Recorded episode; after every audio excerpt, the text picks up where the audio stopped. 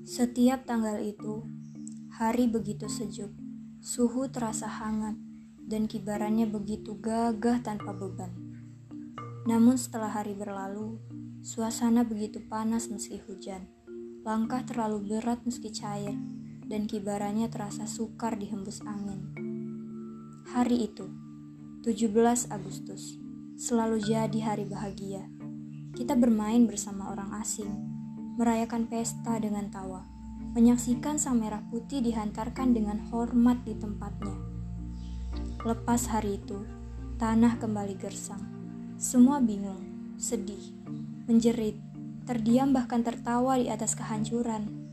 Kita kembali berkelompok, berusaha meneruskan koma dengan titik yang berbeda, namun mengabaikan titik tumpu keinginan pendahulu.